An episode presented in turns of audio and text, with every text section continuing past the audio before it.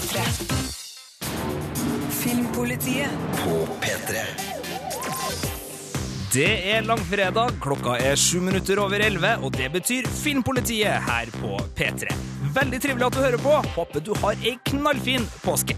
Jeg heter Sigurd Vik og har et radiopåskeegg fullt av kinopremierer, krimserietips og litt eh, kjendissnacks.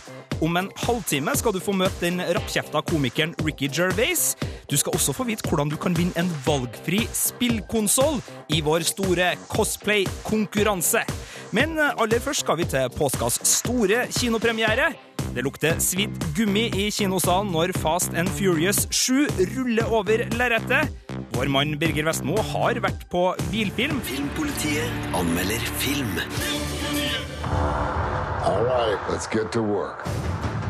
Hey, Roman, you freaking out? No. Yes, you are.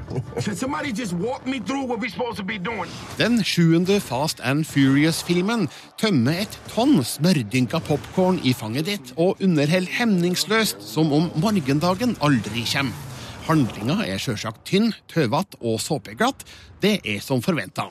Actionsekvensene er eksplosive, overdrevne og lattervekkende. Det er òg som forventa. Fast and Furious 7 er en skamløs actionorgie med flere muskler og hestekrefter per filmrute enn de fleste kan levere i en hel film. Men at det her er Paul Walkers aller siste film, er årsaken til at den rører mer enn den normalt ville ha gjort. Remember Owen Shaw?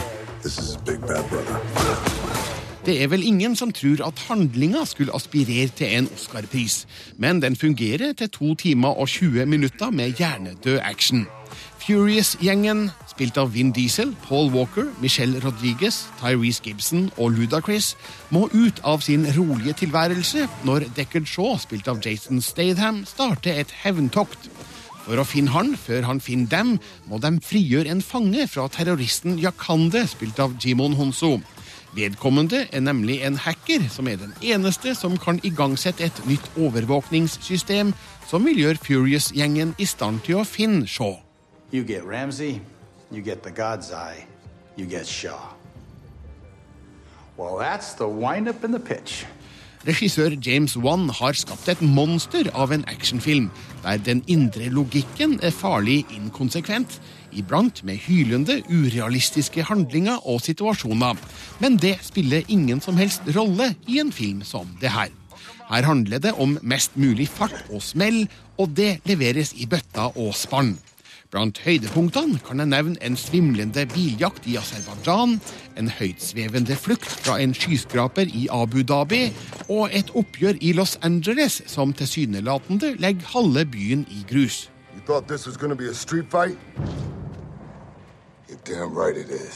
Paul Walker døde i november 2013, før innspillinga var ferdig. Det jeg kan si, uten å spolere noe, er at rollefiguren hans får en verdig avslutning i Fast and Furious 7.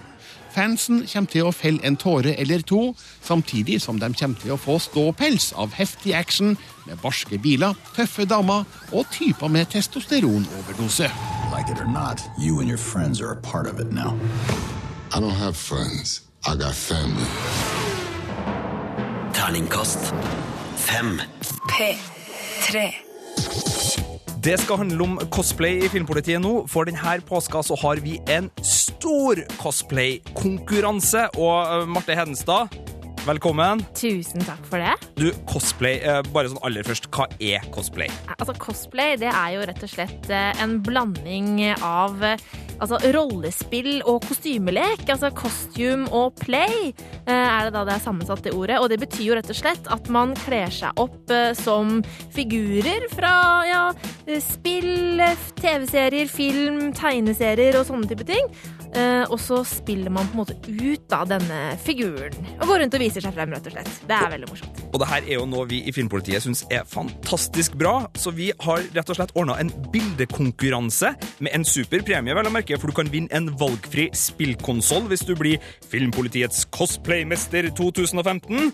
Eh, og så har vi det sånn at du kler deg ut, spiller den rollen, tar et bilde, sender den til oss, og så er du med og konkurrerer om denne gjeve tittelen. Ja, og det som er viktig da, er at man må jo på en måte prøve å fange rollefiguren på det bildet. Og det er jo ikke alltid like lett, for eh, når man er med i en cosplay-konkurranse, så er det jo som regel på en scene der du har muligheten til å spille figuren din ut. Men det er viktig at du liksom prøver å fange essensen av rollefiguren på bildet ditt, og ikke bare tar et random bilde av deg selv i kostyme. Og så lurer du sikkert på noe, hvem er det som skal bestemme hvem som vinner, da? Herlighet, det er jo så mange kostymer, og det er jo så forskjellig. Jo, selvfølgelig så har vi satt sammen en jury som består av ulike fagfolk. Eh, Marte Hedenstad, du er vår representant i juryen, eh, vår juryformann. Kan du presentere hvem det er som skal bestemme hvem det er som blir Filmpolitiets cosplaymester? Ja, da kan jeg jo presentere Kristina Erring, som er hun som er liksom fag, den virkelige fagpersonen i juryen. Hun er kjent som krigsdesign i cosplay-miljøet, eh, og hun eh, er eh, egentlig ganske kjent i cosplay-miljøet. Hun har vunnet en hel haug med konkurranser, og hun driver også med en rekke sånn tutorials og foredrag for å lære andre hvordan man har gode løsninger til forskjellige typer cosplay. Eh, og så har vi jo da Stig Frode Henriksen. Eh, bedre kjent fra Kill Buljo-filmene, kanskje. Og han har jo selvfølgelig god erfaring med kostymer eh, i sin skuespillerkarriere. Og er veldig opptatt av attitude, så, så Yes. her er det, det er mange veier til rom her. Det er mange måter å vinne Filmpolitiets cosplay-konkurranse på. Du kan være supergod på kostyme, og du kan bare ha den der utstrålinga der du bare, du bare er den figuren, og det mm. ser vi gjennom eh, kameralinsa. Og du lurer sikkert på hvordan du deltar. Marte, fortell folk hvordan de deltar. Ja, ok. Det du da kan gjøre, er at du kan f.eks. ta dette bildet av eh, deg sjøl, og så kan du legge det ut på Instagram og tagge det med hashtag NRK cosplay. Eh, Men du kan også ta og sende en mail med bildet ditt eh, til filmpolitiet at nrk.no. Og det som er viktig, da, er at du må selvfølgelig fortelle hvem du er, og så må du fortelle eh, hvem det er du cosplayer, eh, altså hva navnet på rollefiguren, eh, og sende det til oss. Komiker Ricky Gervais har de siste årene drevet med komiserien Derek. Den har premiere i dag på Netflix på sin avslutningsspesialepisode, og i den anledning så har NRK sin Storbritannia-korrespondent Espen Aas vært i London og truffet Ricky for å ta en prat om Derek. The early bird catches the worm, babe. What if the what if the worm's having a lion? What? What if early bird gets up and goes on to go and catch the worm, and he gets there, but that day the worm's overslept? Karakteren Derek er hjelpepleier på et pleiehjem, selv om det kan være vanskelig å forstå om man jobber der eller er pasient. Derek er nemlig ikke helt som de andre. Undrende, litt naiv, svært godhjertet og har kanskje litt mindre eller muligens litt annerledes håndbagasje enn kollegene og beboerne. Derek er skapt av mannen som nok for det meste av sin karriere vil bli forbundet til komiserien The Office, Ricky Gervais. Og Derek er en figur som fremfor noen appellerer til folks følelser, forteller Gervais til NRK i London, selv om karakteren David Brent fra The Office til stadighet lever videre, tolv år etter siste episode. It's like I still get one-off sentences he'd say every day, even if it's just fact, just words that he said. Whereas this is mu much harder to put into words. They say things like, "I'm a 50-year-old builder and I cried." How could you do that to that poor dog? So it's all about the emotional journey. So I say that's the difference. I write songs on the piano, don't I? Yeah, they're awful. What? They're awful. I write about the home, things that happens in the home, and I We put. d- uh, I We don't want to hear about the home in song forms. Depressing enough living it, let alone hearing a song about it. Men Derek har ikke bare blitt godt mottatt. Her i Storbritannia har flere anmeldere vendt tommelen ned og mener han gjør narr av de som er annerledes. Eller som en anmelder skrev, han forsøker å melke sympati på et slags subtilt Forest Gump-nivå. Gervais tror de bare ventet på en sjanse til å riste ham litt. ever since The Office, everything I've done, obviously, what people are waiting for you to screw up or fail or them not like it. Um, and with The Office, I came from nowhere, so there was no real baggage. There was nothing for them to hate yet. Everybody here loves having pudding. We have it every day at six o'clock. Sometimes it is jelly, what is cold, and sometimes it is crumble, what is hot. Well, that was it. Yeah. Absolutely dreadful.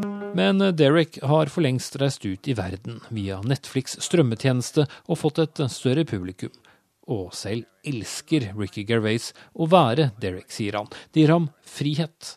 Og avslører han, Derek er et motsvar til alt det negative som deles, ikke minst via sosiale medier for tiden. part of creating it was as a, a bit of a um, an antidote to the cynicism in the world. I noticed that everyone, particularly through social media, usually tweeted about things they hated or put down another tweet.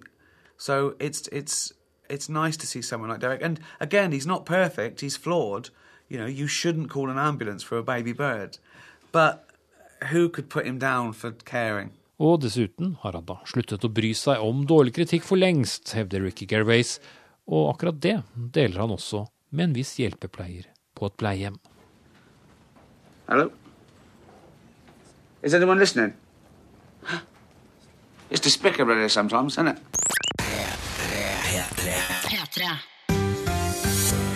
P3. Det er langfredag og påskehelg, en av årets absolutte beste weekends for å glane lenge på skjerm. Og påska er jo høytid for én spesiell type glaning, nemlig krimglaning. Og nå skal vi i Filmpolitiet gi dere våre beste tips. Vi har samla hele patruljen. Rune, Birger, Marte, velkommen. Hallei! Tusen takk. Nå er det tips til binge-watching av TV det gjelder. Våre favoritter, og vi kan starte med deg, Rune. Vi kan jo kalle det her også spalten Rune skammer seg litt, for eh, en av det, det jeg må ta frem, er selvsagt Poirot. eh, Som da gjennom mange mange, mange, mange år og nå over 50 episoder har virkelig på en måte skutt seg inn i hjertet mitt. Og det, er den serien som også samtidig får meg til å føle meg skikkelig gammel, for jeg, jeg liker Gamle ting. Nei, men altså, jeg liker å ta, ta et glass, glass portvin. Ja. Til Poirot. Nei, nå må du Er det der skammen kommer? Med portvin? Ja, for, det, for det, da du sa at du skammer deg, så skulle jeg til å si det er ikke noe å skamme seg over Poirot, men da portvin Ja, men kommer det er i det bildet, som så skjønner jeg skammen. Det er så viktig med den kombinasjonen her, bare gjøre det til en liten, liten sånn event. Og derfor funker Poirot så godt. Dessverre så er det ikke tilgjengelig i NRKs nett-TV lenger. Men det finnes jo mange mange, mange billige, billige eh, DVD-pakker som er mulig å kjøpe rundt omkring. Og Poirot går aldri av moten, altså. Birger, du skal få ta stafettpinnen videre. Ja, vi skal over til en serie som er tilgjengelig i NRKs nett-TV. Og dette er ikke noe sånn NRK-reklame fra min side, altså det er bare tilfeldig at dette er en NRK-serie som er tilgjengelig i NRKs nett-TV. Nei, skal jeg si det, da. Her kombineres nemlig krim med min favorittsjanger, science fiction. Vi skal til 1978 og TV-serien Oi, Blindpassasjer. ja, ja, ja, ja. Oi. Bing og Bringsvær, eh, rett og slett. Litt norsk sci-fi. Helt riktig. Og det er jo et krimmysterium her, fordi en om bord blir drept. Man vet bare ikke hvem, fordi vedkommende er erstatta av eh, en eh, androide eller eh, en robot eller Jeg husker ikke helt hva slags eh, organisme det her er, men i hvert fall eh, en som har tatt plassen til en av mannskapet, og så handler da de tre episodene om hvem er det egentlig? Den har kanskje ikke tålt tidens tann eh, på alle vis, men det er fascinerende å se likhetene mellom anslaget i Blindpassasjer og anslaget i Alien, som kom ett år etterpå. Oi! Og du hevder nå selvfølgelig hardnakka at uh, alienskaperne var inspirert av Bing og Bringsvær? da, eller? Selvfølgelig. Jeg kan ikke helt se for meg hvordan det skulle være mulig i 1977 at de i hele tatt så denne serien, men uansett, eh, jeg syns Blindpassasjer er satt i et sterkt nostalgisk lys, selvfølgelig. Utrolig morsomt å se igjen på NRKs nett-TV. Tar en råsjanse og sier at når vi da gir stafettpinnen til Marte, så skal vi litt eh, nærmere nåtiden eh, når det gjelder serien. Hva har du eh, på hjertet, Marte? Åh, vi skal til Altså, no, mann nummer én av alle detektiver. Eh, hvem er det? Liksom nummer én av alle detektiver Mickey Mouse? gjennom tidene. Ikke Mickey Ja, Er det er vel Poirot, da? Nei! Det er jo Sherlock Holmes. da. We've had a break in at Baker Street. Send your least irritating officers in an ambulance. Oh no no no no, we're fine. No, it's the uh, it's the burglar. He's got himself rather badly injured. Og jeg, som så mange andre, har jo forelska meg fullstendig i Benedict Cumberbatch i rollen i den moderne varianten av Sherlock Holmes i serien Sherlock. Og for at det, altså, det er jo så utrolig bra. Jeg elsker den derre supersmarte Har du, har du sett det mange ganger? Jeg har sett det mange ganger. Det her er en eh, serie som passer så godt til å se igjen, nettopp fordi at det er så få episoder. Det er jo bare til nå tre sesonger hvor det er eh, fire, tre og tre episoder. Men det er jo helaftens filma, de her episodene. da. Jo, men Det er jo litt juks, egentlig, ikke Nei, det er ikke juks. Det, det er eh, perfekt til å binge-watche, eh, som for eksempel nå i påska. P3. Hele Filmpolitigjengen er samla nå, med påskeeggene og fjernkontrollen klar, for vi snakker om favorittkrimserier. Altså ting man kan bare kose seg med å binge-watche nå i påska. Vi har gått en runde allerede og, og tatt våre favoritter. Vi skal ta en runde til. Marte, hva er din andre serieanbefaling for påsken? Åh, nå blir jeg litt sånn flau, for at det her eh, Nå blir det guilty pleasure-bonanza fra meg, altså. Elsker guilty pleasure. Å, det er nydelig. Eh, For at eh, jeg er nemlig veldig, veldig glad i Nathan Fillion. Eh, og han eh, har jo en serie som eh, kanskje ikke er sånn veldig bra, men som er utrolig underholdende. Og jeg snakker jo da om Castle, som går på TV Norge. Jeg hørt snakk om Castle, men aldri helt skjønt hva det er for noe. Ja, altså det som er greia er at eh, han, Nathan Fillion spiller da en eh, krimforfatter eh, eh, som Det er da et sånt copycat murder. eh, og da blir han henta inn som sånn Hva heter det? Eh, Rådgivende detektiv. Rådgivende detektiv. eh, og så blir han værende da i den rollen gjennom Nå er det oppe i syv sesonger. Jeg er helt enig med deg, Marte. Altså, jeg har sett så mange Castle-runder. Altså, jeg har ikke bare sett det én gang, jeg har sett det flere ganger. Og det er litt sånn som min favoritt å gå til når jeg skal Slapp tilbringe av og underholdes. Ja, og spise en frossenpizza. Ja. Uh, altså, det er middagsserien min Uh, sammen med Bones. Ja. Helt topp opplegg. Og jeg tror at Grunnen til at det appellerer så veldig til meg, er at eh, Nathan Fillion som person, og også Castle i serien, er jo en supernerd. Han elsker jo alt som vi elsker her i Filmpolitiet. Så denne serien er jo full av sånn popkulturelle popkulturelle referanser, og det syns jeg er veldig artig. Castle er topp. Birger, eh, du er også full av popkulturelle referanser. Eh, Hvilken serie vil du trekke fram i denne runden? Ja, nå må jeg si at jeg faktisk ikke er så glad i krimserier. Jeg ser forholdsvis lite på det. Det... Utvisning. Rødt kort! Hvor, hvor, har jeg de røde kortene?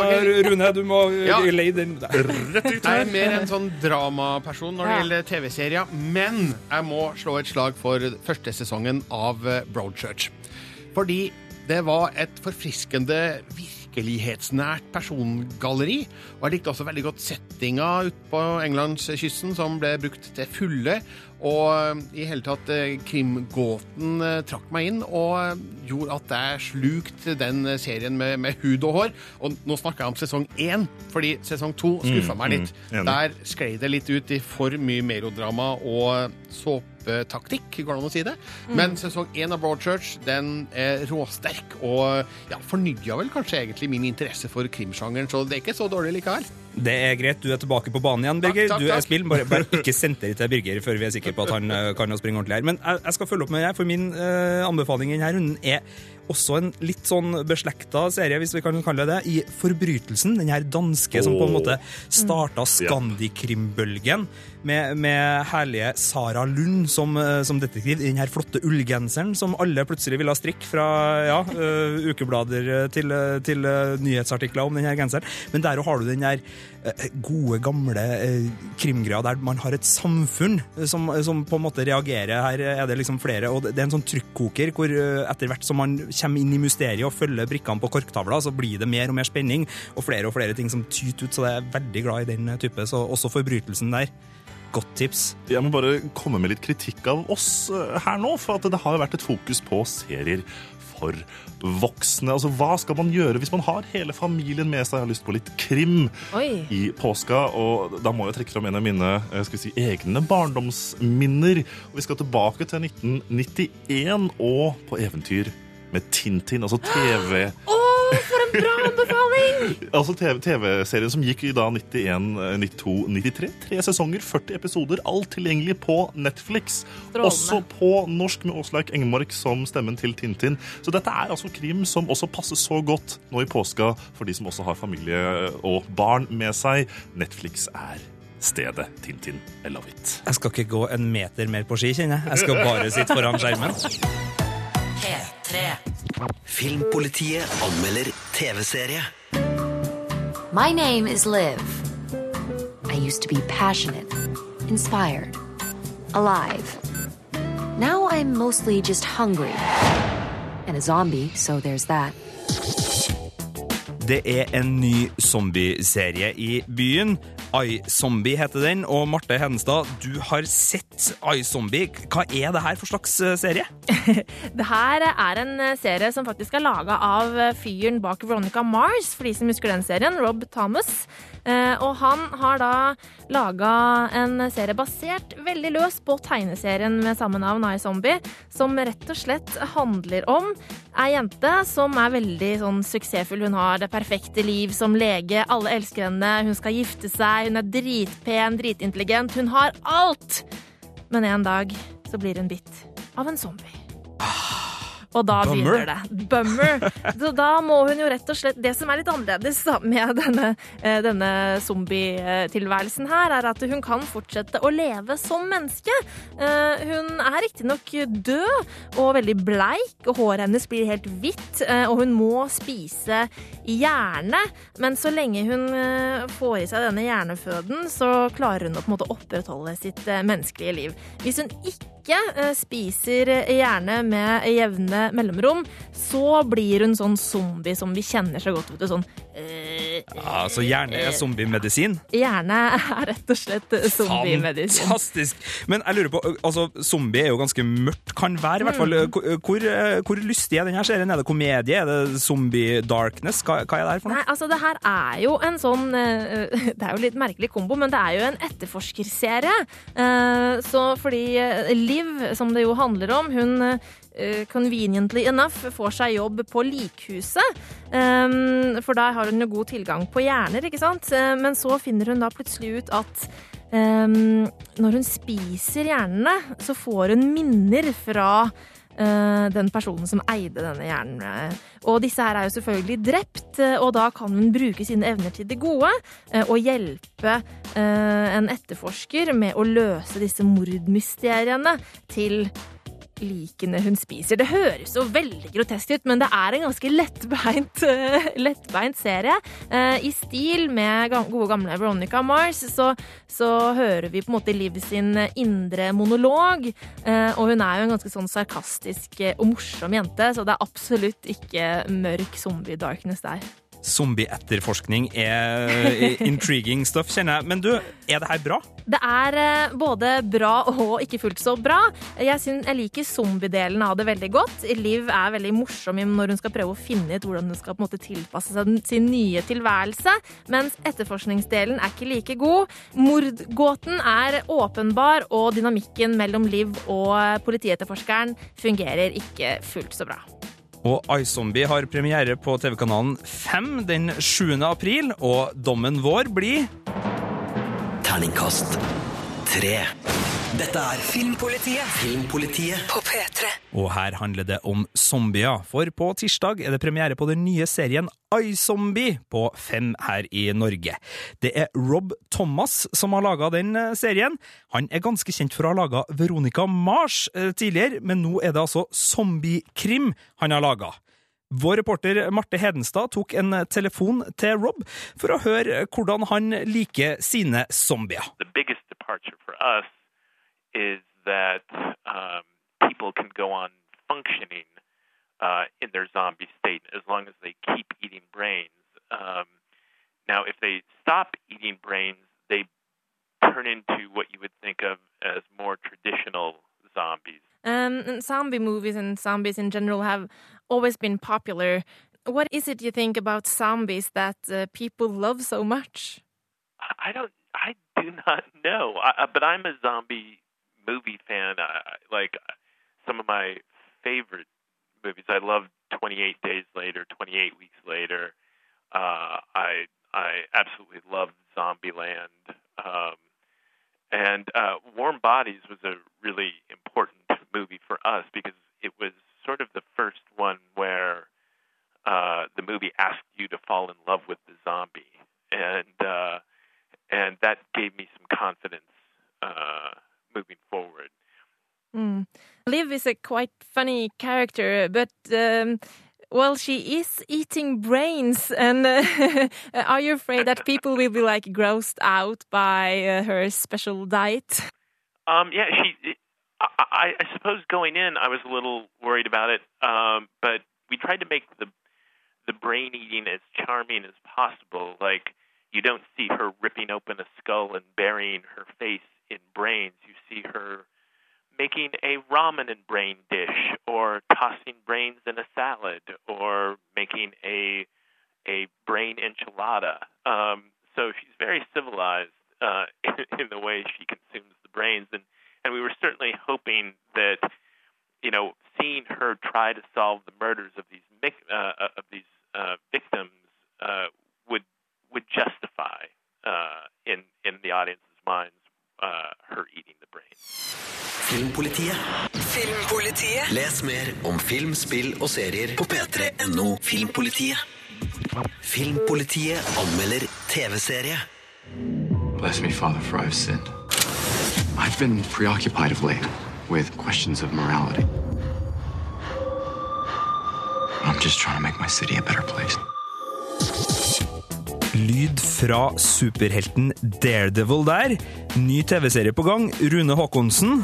Yes, sir. Neste fredag så ramler altså Marvels eh, superheltserie Daredevil inn på Netflix. Og det kan jeg allerede nå avsløre at det er noe du bør glede deg til, Sigurd. For det her er ganske artig, altså.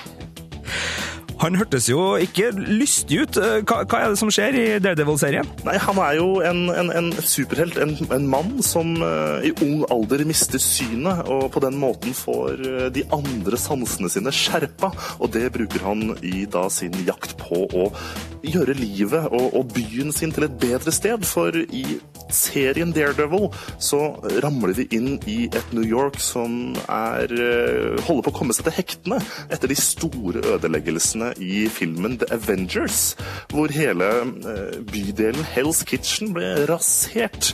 Og serien forteller om hvordan denne delen av byen skal bygges opp igjen, og hvordan det kriminelle undermiljøet forsøker å gjøre det på sine premisser, og det er jo ikke alltid så hyggelig. Er vi altså rett inn i Avengers-universet her? Ja, og det er det som er litt interessant å vite om hele Marvels plan for hvordan de skal fortelle film og serier, er at det knytter seg sammen i det som de kaller Marvels Cinematic Universe. Samtidig så er denne serien også mulig å se helt alene, eh, men, men det å ha sett Marvel-filmene i forkant, det, det, det gir jo en litt sånn ekstra bonus, for eh, det er noen referanser til hva som har skjedd før, og det er jo også ymta frampå at det skal komme noen besøk fra kjente andre figurer. Jeg skal ikke avsløre noen ting om det her, men i de fire første episodene jeg har sett av Daredevil, så er det et, et mørkt og kanskje enda mørkere eh, univers som kommer til syne enn det vi har sett i The Avengers-filmen, hvor det var de store galaktiske, eh, dramatiske, verdensomspennende katastrofene, på en måte. Her er vi inne i det mørke, virkelig kriminelle, skitne miljøet i Hell's Kitchen i New York, og det er det som gjør at denne serien fungerer såpass godt. Jeg skjønner jo at du liker det her, men hvor bra er det? jeg, skal, jeg skal være så ærlig, Sigurd, og si at dette er nok en av allerede, etter fire episoder, en av mine favoritt-superheltserier. Det er viktig å si, har du ikke sett Marvel-filmene, The Avengers osv., så, videre, så er det fortsatt mulig å komme inn og nyte Daredevil som en mørk, grotesk til tider, brutal, spennende serie som uh, virkelig kommer til å, å, få deg til å gispe på de rette øyeblikkene. Og det er også grunnen til at uh, de fire første episodene får en, uh, skal vi si, en, en, en, en god dom fra min side. En varm anbefaling fra Filmpolitiet og Rune Haakonsen der, og dommen er Terningkast seks. Hør Filmpolitiet om igjen når du vil. Og last ned podkast på radio nrk.no.